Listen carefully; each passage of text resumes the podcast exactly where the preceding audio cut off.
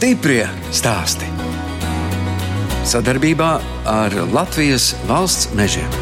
Man ļoti sāp sirds skatoties uz Latvijas mūžām un viensētām, kas tiek pamestas, aizaugušas. Man gribētos, lai katra šī mājiņa atrastu savu īpašnieku, kuram būtu šī pārliecība un drosme ķerties klāt un viņu atjaunot. Divus gadus es strādāju Digļu pilī, un arī tur es redzēju, ko var izdarīt. Protams, tas prasa milzīgus līdzekļus, arī milzīgu darbu, bet tas gala rezultāts ir fantastisks. Kādā brīdī sapratu to, ka es esmu gana stipra, lai izveidotu pati savu vietu, lai dotu kādai ēkai otru dzīvi. Tā ir tāda mana misijas apziņa šajā dzīvē, un jutos gan stipri to izdarīt. Tā saka Valkas novada Vīciema pagasta viesunama Bergervila īpašniece Agneta Kīta. Es, žurnāliste Daina Zalamane, šoreiz ciemojos bijušajā Vīciema medību pilī Meža vidū. Agneta ēku nopirka pirms trīs gadiem, un pērnā vasara bija viesunama Bergervila pirmā sezona. Agneta Kīta stāsta, ka pirmos bērnības gadus pavadījusi kurzemes mazpilsētā Kuldīgā. Esmu īstena kurzemniece. Gan pēc rakstura, gan arī pēc sirds aicinājuma, lai gan ilgus gadus tur vairs nedzīvoju. Sirdī kuldīga man vienmēr būs mīļa. Un kādas ir kurzemnieces? Kuru katru sev klāt nelaidīs, enerģiskas, uzņēmīgas, Bērnība bija ļoti jauka un skaista. Bija ļoti daudz draugu apkārt.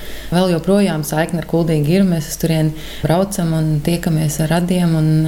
Atgriežoties, vienmēr ir tāda sajūta, ka es atgriežos mājās. Bieži vien aizējām arī uz vecajām mājām, uz pagalmu, fasēžam uz akmeņa, uz kura sēdējām bērnībā un atceramies bērnību. Kuldīgi plaukst un zeļ, un man ir ļoti liels prieks vienmēr atgriezties un redzēt, kā viss tiek sakopts, cik ļoti augsts augsti tiek turēta vērtē vēsturiskās lietas, vēsturiskās ēkas, tiek koptas un atjaunotas, un ļoti skaista pilsēta ar savu sirdi. Kā tad tie dzīves ceļi jūs atved uz vidzemi? Tēvs savulaik strādāja Kuldīgas pastā, tad viņam piedāvāja darbu Limbažos, un Limbažos dzīvoja mūsu vectēvs. Tēva tēvs, un uh, viņi kļuva veci, un uh, grūti bija tikt galā ar mazdārziņu. Ģimenes lēmums tas bija pārcelties tuvāk viņiem, lai arī palīdzētu. Un tā mēs pārcēlāmies uz Limbaģiem. Un cik gadu jums tad bija? Deviņi gadi. Sakoja nākamais darba piedāvājums, labāks darba piedāvājums tēvam Valmjerā, un pēc diviem gadiem mēs pārcēlāmies uz dzīvi uz Valmjeru. Mazliet dejoju, bet uh, vairāk dziedāju koros, braucām uz dziesmu svētkiem un uh, skolas laikā organizēju dažādus pasākumus, vadīju pasākumus, gan karnevālus, gan popielas. Tajā laikā bija uh, ļoti modē un mācījos Valmieras pārgājas ģimnāzijām. Tad sākām domāt, ko darīt tālāk. Manuprāt, vispār 18 gados viņam ir tik nesaprotami, ko viņš tālāk uh, nopietni ar savu dzīvi vēlās iesākt. Un arī ar mani bija tieši tāpat. Es biju ļoti vispusīgs bērns, un fiziku īsti nesapratu, un ķīmiju arī nē. Bet visas humanitārās zināšanas, tās padevās, valodas padevās. Un, uh, tur ir jāsaka liels paldies manai angļu valodas skolotājai pamatskolā, Inai Glikai, kas man ielika mīlestību pret šo valodu. Man tik ļoti patika angļu valoda un, un gribējās mācīties, kad es vairākas nodaļas uz priekšu mājās lasīju pati un mācījos vārdiņus. Man ļoti patika tas, ka es varu izteikties citā valodā. Krieviski jebkurš runāja, bet angļu valodu tajā laikā vēl lielākā daļa cilvēku Latvijā nesaprata. Agneta Kīta biznesa augstskolā turība studēja uzņēmējdarbības vadību. Pēc mācībām viņa trīs gadus strādāja un mācījās Amerikā. Tad bija tāda programma Work and Travel. Tulkojumā mācies un strādā. Pašam ir jāatrod darba devējs. Viņš atsūta dokumentus, kur viņš apstiprina, ka viņš tevi pieņem darbā, nokārto darba vīzu, un uz pieciem mēnešiem tev ir tiesības atrasties Amerikā un strādāt pie šī darba devēja. Četrus mēnešus strādā, un vienu mēnesi pēc tam ir vēl tiesības uzturēties valstī un atpūsties ceļot. Darba devējs jau bija atrasts restorāna viesnīcas par viesmīli, par recepcijas darbinieku. Un tieši kurā vietā jūs Amerikā bijāt? Es nonācu Floridā. Ļoti atšķirīgi no visas pārējās Amerikas, manuprāt. Strādāju Kurorta pilsētā Palmbīčā, kas ir uh, miljonāra atpūtas vieta. Tur ir ļoti grazīgas viesnīcas un restorāni. Jūs tur nenoturējāt gadījumā par skandināvu izcelsmes, jo jūs man pēc izskatāt zviedrieti atgādināt. Jā, arī vārds man ir zviedrisks. Agnete ir uh, tīrākais zviedru vārds, pateicoties manai mammai, kas mani nosauc pēc uh, abas solistas, jo tajā laikā abi bija ļoti populāra, jā, 70. gadi. Kā jūs bijāt apmierināti ar darbu, ar dzīvi? Tas bija tāds piedzīvojums, tā Amerika. Jā, nu, milzīga pieredze. Ļoti daudz tas laiks ir devis personīgās izaugsmas ziņā un kontaktu nodibināšanas, mākslas attīstīšanai, jo amerikāņi tādā ziņā ir ļoti atvērti. Viņi uzsāk sarunu ar jebkuru, kaut gan viņš tev ir pilnīgi nepazīstams cilvēks. Un viesmīlības nozarē tas arī ir ļoti svarīgi. Mācīt, sarunāties ar cilvēkiem un uzturēt kontaktu. Tas arī man ir ļoti daudz ko devis. Un, uh, strādāju vairākās viesnīcās un restorānos, un paralēli nolēmu turpināt mācības. Iestājos privātā augstskolā, Floridā, Palmbīčā un pagarināju uzturēšanās atļauju studentu vīzu. Un paliku Amerikā nepilnīgi trīs gadus, kamēr ieguvu maģistra grādu biznesa administrēšanā, jeb tajā pašā uzņēmējdarbības vadībā. MBA grāts, kas deva tiesības vēl pēc tam gadu uzturēties Amerikā un strādāt. Bet visus šos gandrīz trīs gadus, ko es pavadīju Amerikā, man bija ļoti lielas skumjas pēc mājām, pēc draugiem, pēc valodas, pēc savējiem. Un, esot Amerikā, es sapratu, cik ļoti liela Latvijas patriota es esmu. Tāpēc tikko man bija diploms kabatā, uzreiz es nopirku biļeti uz Latviju un braucu mājās. Sākāt jau Amerikā dzīvojot, domāt, ko jūs darīsiet Latvijā, ja tik braucāt mājās. Nebija tāda skaidrība, ko Latvijā darīt. Vienīgais uzstādījums, meklējot darbu Latvijā, man bija, lai šis darbs būtu saistīts ar angļu valodu. Tad es atradu darbu kā eksporta menedžers. Strādāju ar ārzemju klientiem, bija iespēja ikdienā sarunāties angļu valodā. Un, un ko jūs tirgojāt? Alkoholu. Tas bija alkohola ražošanas uzņēmums, un uh, viņi vēlējās paplašināt eksporta tirgus. Tad es uh, vairākus gadus strādāju uzņēmumos, mārketinga sfērā. Atgriežoties no Amerikas, 15 gadus es dzīvoju Rīgā. Un, uh, tā arī likās pašai, ka nu, Rīga ir tā vieta, kur es uh, dzīvošu ar visu kultūras dzīves piedāvājumu. Nekādā mazākā pilsētā vai vietā es arī nekad nevarētu dzīvot. Un kas to būtu domājis, kad pēc 15 gadiem es pārcelšos uz dzīvi laukos? Pat ne pilsētā, bet laukos, audzēšu siltumnīcā tomātus un priecāšos par mieru un klusumu sev apkārt. Bērnu piedzimšana arī sievietei sagriež vērtības mazliet savādāk. Man piedzima dēls, tad jau likās, ka jā, es gribu tādu mierīgāku vidi, kur augt bērnam, veselīgu vidi Tāpēc mēs arī sākām meklēt pēc dzīves vietas kaut kur, kur būtu mierīgāks, klusāks, zaļāks, un sākām meklēt īpašumus. Valmjerā, bet sapratām, ka cenas ir diezgan augstas un uh, praktiski neatšķirās no Rīgas cenām. Un tad vienā dienā es ieraudzīju sludinājumu portālā vienu tādu noskumušu mājiņu, apgaugušu. Viņa bija ieaugusi kokos, ēnā ar uh, apsunojušu jumtu, neapdzīvotu jau vairākus gadus, tukšiem logiem. Bet man kaut kas tajā visā uzrunāja, un es teicu savam vīram, nu aizbrauksim apskatīties. Tas bija jūnijas, daba pašā plaukumā, ļoti skaista vasaras diena. Mēs piebraucām, ieraudzījām, un es zināju, ka tā ir mana vieta. Tā ir vēsturiska vieta, vēsturisks īpašums. Tad, kad mēs viņu sākām atjaunot, es meklēju arhīvos informāciju un atradu pat 500 gadus atpakaļ datus par šo īpašumu.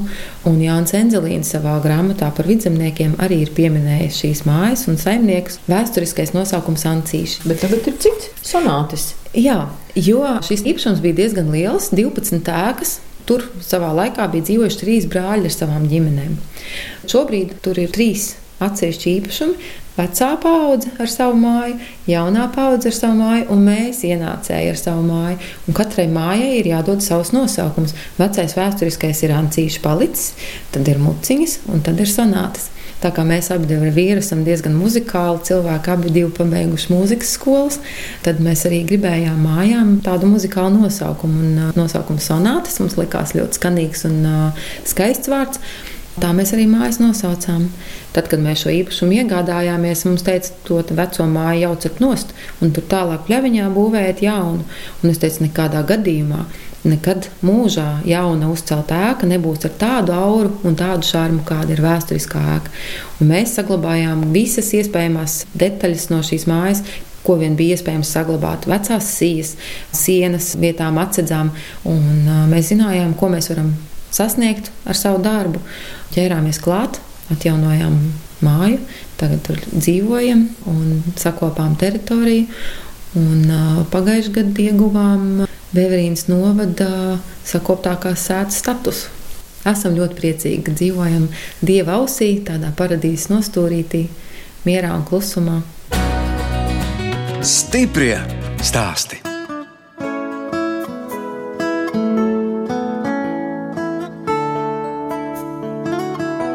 Jūs klausāties raidījumu stipri stāstī. Turpinu ciemoties Valkas novada Vīciema pagastā pie viesunama Bergervila īpašnieces Agnetas Kītes.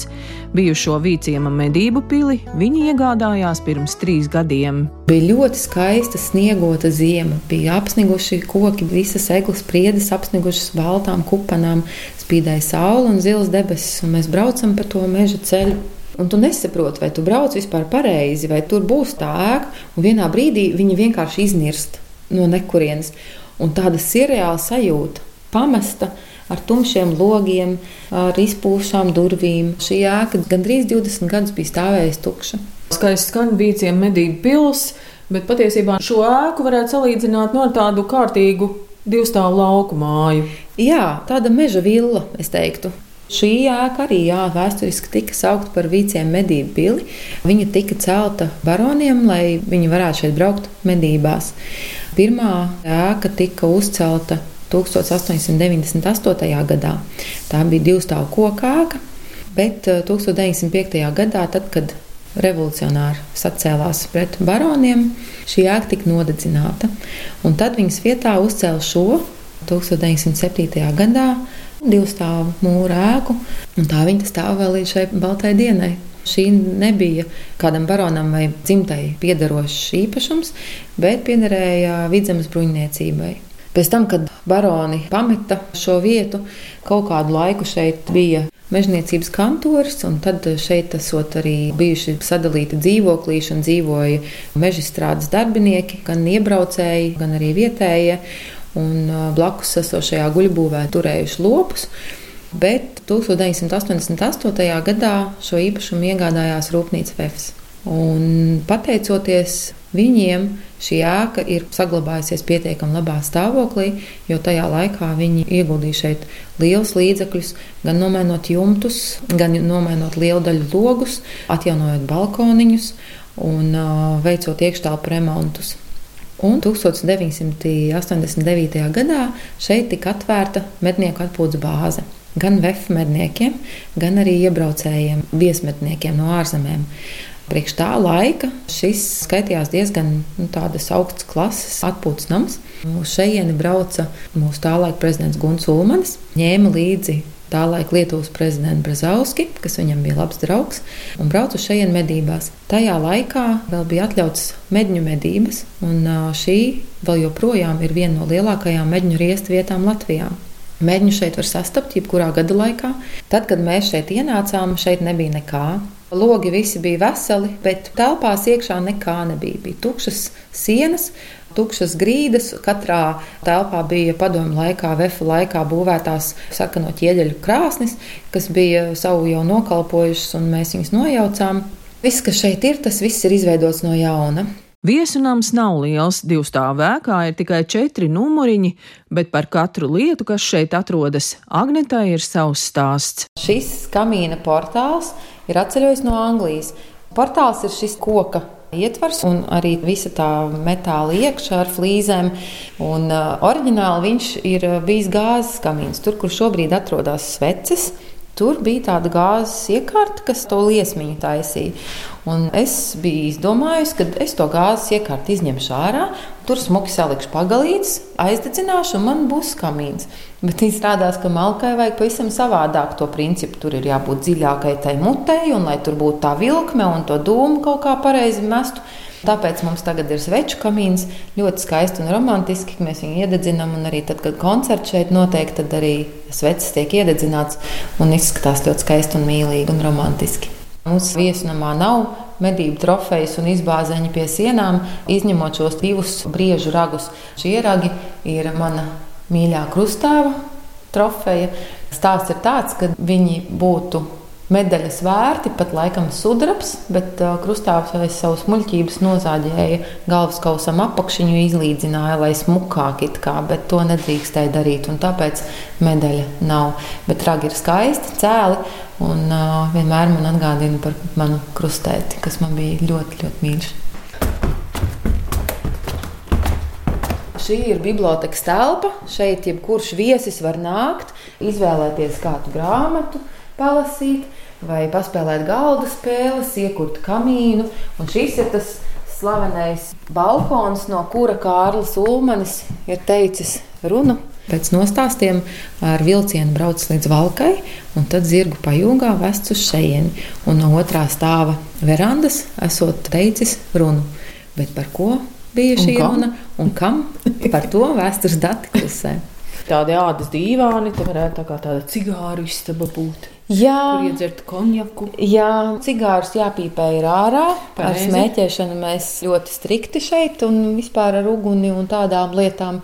Bet uh, konjaku šeit viesi labprāt iedzer. Šeit raisās sarunas vīriem, šī tāda nopietnāka istaba pēc rakstura. Jā, tāda vīrišķīga. Jā, tieši tāpat kā arī šis numuriņš, kurš Nosaukums Alnis. Jā, mums ir četri numuriņi, un katrs numuriņš ir nosaukts kādā meža zvēra vai putnu vārdā. Mums ir alnis, briedis, mednis un pūce. Nu, lūk, šis ir alnis. Tāda skaista liela gulta pamatīga. Gulta ļoti skaista un ērta, jā, un arī numuriņam ir balkoniņš.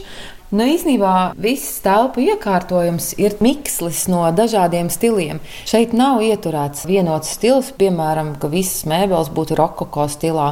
Šajā numuriņā kaut vai, piemēram, redzēt, šis ir rokoko stils, tā ir klasika. Un Ķīnas mēbele pilnīgi kaut kādu savu citu akcentu. Izvelkamais dīvāns tomēr tāds mūsdienīgs, bet viss kopā rada tādu vienotu ansambli un rada tādu foršu auru. Briedis ir romantiskais numuriņš. Šo izvēlās numuriņu pārīši, brauc svinēt savas kāzu jubilejas vai vienkārši romantiski pavadīt laiku. Šeit ir arī tāds ā, romantisks sveču kamīns un arī balkons ar skatu uz mūsu bebru dīķi, kurā dzīvo bebri. Kādreiz viņus arī var novērot. Bet tas pilsētas mūžas iespējas te tomēr ir no mēbelēs. Un... Jā, tas ir Interjerā. apzināti tā arī veidots. Lielākā daļa no mēbelēm ir autentiskas 1800. gadu beigu, 1900. gadu sākuma mēbeles. Mēbeles mēs ļoti rūpīgi vācām, kolekcionējām pusotru gadu. Lielākā daļa nāk no Zviedrijas. Tas ir mans otrs biznesiņš, ar ko es nodarbojos. Man ir neliels saloniņš, kurā es tirgoju šāda veida mēbeles, kuras ir ievestas no izsoļnamiem Zviedrijā. Es nevarēju iedomāties, ka interjeru varētu iekārtot ar mūsdienīgām mēbelēm. Līdz ar to jā, šīs vēsturiskās mēbeles papildina to vēsturisko auru šai vēsturiskajai ēkai. Šis krēsls, kurā es sēžu, tepat ir krustūrienā izšuvums izveidots. Jā, tas ir izšūts gobelēns. Tajā laikā šādi krēsli bija ļoti iecienīti. Ļoti daudzās mūžās arī tādas var atrast. un Mēs lepojamies ar savām mēbelēm. Diezgan daudzas mūžas Latvijā varētu mūs apskaust par to, ka pie mums ir sastopamas šādas te autentiskas mēbeles. Šis galds, pie kā mēs sēžam, piemēram, ir 1800. gadu beigu galds ar ļoti skaistu skaistas bagātu kāju. Viesi šajā telpā brokasto. Mēs šeit pasniedzam brokastis, un tad viņi var baudīt brokastis pie skaisti klātiem galdiem. No tāda biznesa viedokļa šī pilsēta ir neliela, numuriņu te nav pārāk daudz.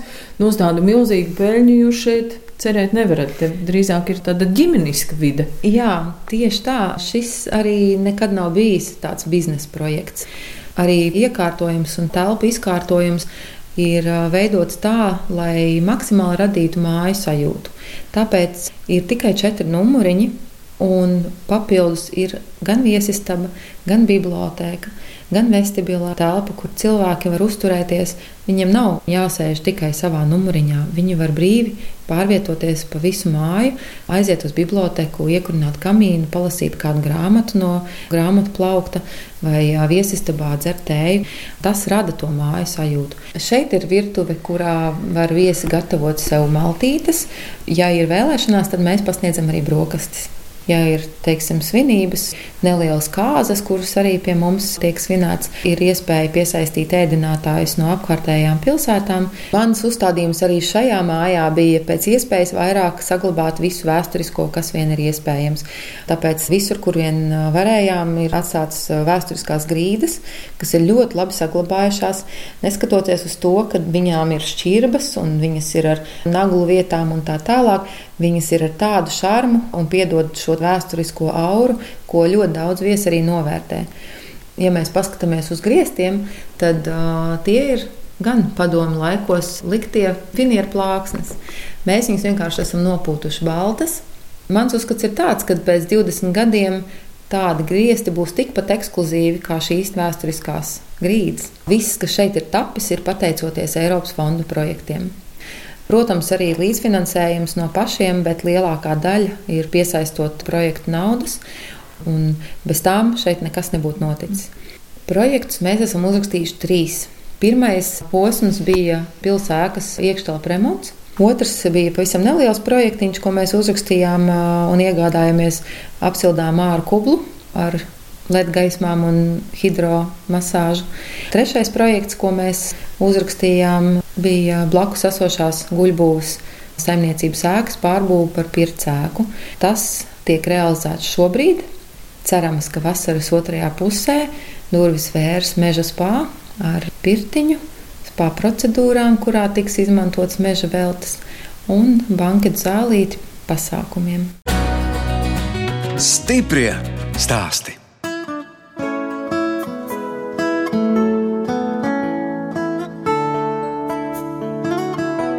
Skan raidījums stipri stāsti. Šoreiz ciemojos Valkas novada Vīciema pagastā pie viesu nama Bergervila īpašnieces Agnetas Kītas.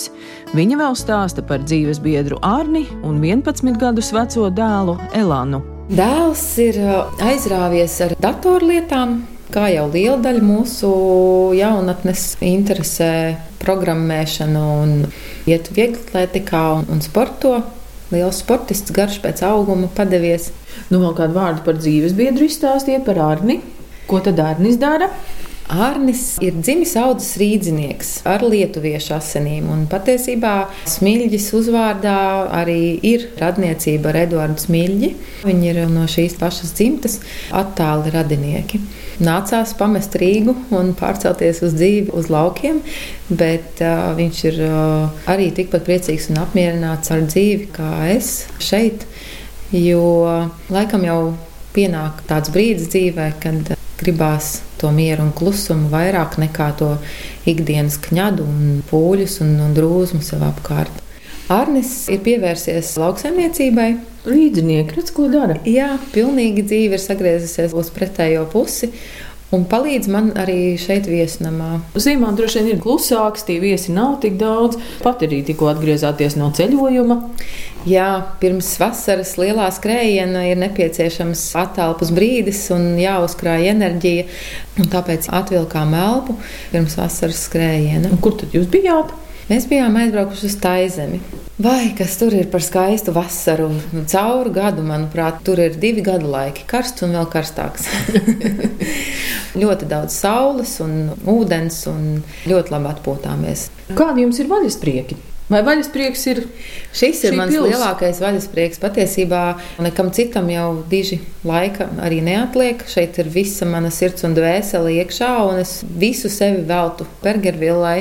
Un, manuprāt, tas arī ir svarīgi, un tas ir jūtams, kad ir šī saimnieka sirds. Lai cilvēks atbraucot uz šejienes, patiešām var atpūsties un saņemt tādu lutināšanu un čubināšanu, kas mums visiem patīk un visiem ir nepieciešams. Man arī stāstīja, ka jums šeit notiekot koncerti jauki un kā biļetes izpērkot ļoti ātri. Jā, tā ir mana vēlme ir šo vietu atdzīvināt un radīt eh, vidi, kurā cilvēki gūst pozitīvas emocijas. Un tāpēc, papildus tam, ka mēs esam viesunamiņš, mēs organizējam arī katru mēnesi koncertus. Mēs tos esam nosaukuši par sajūtu vakariem, un katru mēnesi aicinām kādu mūziķi pie sevis ciemos. Koncerts notiek blakus esošajā vestibilu zālītē, kas ir pavisam neliela. Mēs nevaram lepoties ar milzīgām zālēm, kā tas ir lielās mūžās. Mums ir pavisam neliela telpa kurā šis koncerts ir kā intīma saruna mūziķim ar klausītāju. Mūziķis atrodas burtiski pāris metru attālumā no pirmās rindas, un kur nu vēl ekskluzīvāk ieskatīties acīs Muktu Pāvēlam, un viņš tev spēlē violi, skatoties tev pretī. Mūziķi braucot projām, vienmēr ir uzlādējušies ar klausītāju emocijām un enerģiju, Un visi sola atgriezties. Un, uh, mums ir ļoti liels prieks, ka jau vairāk kā gadu mums notiek šie sajūta vakari. Un, uh, ir bijis tā, ka biļetes izpārdot divu dienu laikā. Kā jau tas dzīvē bieži notiek, it kā nejaušas sakritības izrādās liktenīgas. Tad, kad es šeit, šajā viesnamā sāku strādāt, pie manis atbrauc pirmie igauņu viesi. Un es ar viņiem sarunājos, vārds pa vārdam, un es saku, nu, man ir rīta igauņu asinis. Mans vecais tēvs bija igaunis. Un es saku, man vispār ir igaunisks uzvārds. Un viņi saka, kāds tad tev viņš ir? Es saku, kut. Viņi saka, o, oh, bet tu zini, ko tas nozīmē? Kut nozīmē mednieks. Tas ir liktenis, kāpēc man bija jānopērk šī medību pilsēta. Tas viss ir kaut kur ierakstīts un kaut kāda saistība. Medniece, jā, medību pilī. Vēl par to nosaukumu izstāstiet. Kāpēc jūs to nosaukumu iedevāt tādu nedaudz vācisku Bergeru villa? Jā, tā tad vēsturiskais nosaukums Vīciema medību pils. Tad, kad mēs sākām šeit veidot viesunamu, mēs sapratām, ka pie mums brauks ciemos ne tikai latvieši, bet arī ārzemnieki. Un ārzemniekam izrunāt Vīciema medību pils ir pilnīgi nereāli.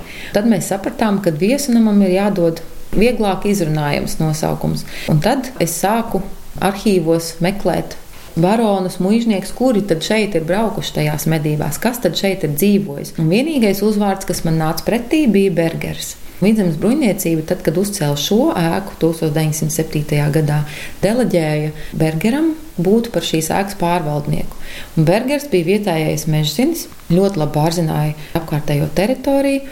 Un par viņu stāsta tā, ka viņš esot bijis gara auguma vīrs ar milzīgu līgu degunu, bargs pēc skata, un visos ieviesis bailes un bijību. Un tad nu, man likās, kur nu vēl labāks pārvaldnieks kā Bergers, un tāpēc Bergervilla. Un tā kā mēs šeit uz vietas nedzīvojam, tad katru reizi, kad mēs dodamies prom, slēdzot durvis ciet, es saku, Berger sargā māju. Un viņš arī sargā. Tādu pozitīvu pāraudzību, tādu nomierinošu roku uz pleca es esmu izjutusi vairākas reizes, kad ir licies, ka neiet nekā vai kaut ko nevar izdarīt tā, kā gribētos, tad viss kaut kā pamazām pats no sevis sakārtojās. Es gribu, lai šī vieta kļūst par tādu, kur cilvēki brauc un saņem pozitīvas emocijas, kur viņi var atpūsties, kur viņi var pabūt ar sevi mierā un klusumā, pabaudīt dabu apkārt, pastaigāties pa skaistajiem apkārtnes mežiem. Blakus mums ir aizsargājums biotops ar 200 gadus vecām priedēm. Blakus ir meža ezeri, kuros var gan peldēties, gan makšķerēt. Blakus ir dažādi vēl vēstures objekti, kur ir interesanti apskatīties, kā piemēram etnogrāfiskā zemnieku sēta ielīces, kur vējiņi tika filmēti. Vīciem čiekurkalte ļoti interesants objekts, vēsturisks vienīgā pasaulē, kas vēl joprojām darbojās ar autentiskajām iekārtām. Tā kā Atbraucot uz šejieni, cilvēkam ir ko redzēt, ir ko baudīt un uh, ir interesanti.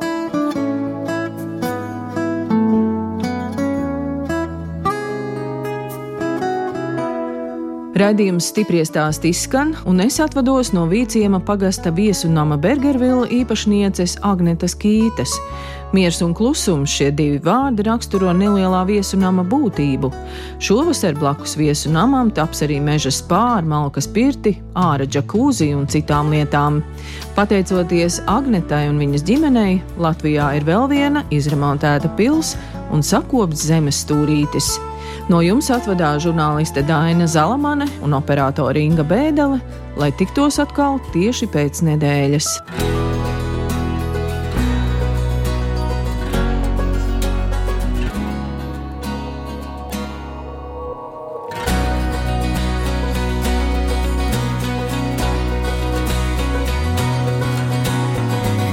Stiprie stāsti. Sadarbībā ar Latvijas valsts mežiem.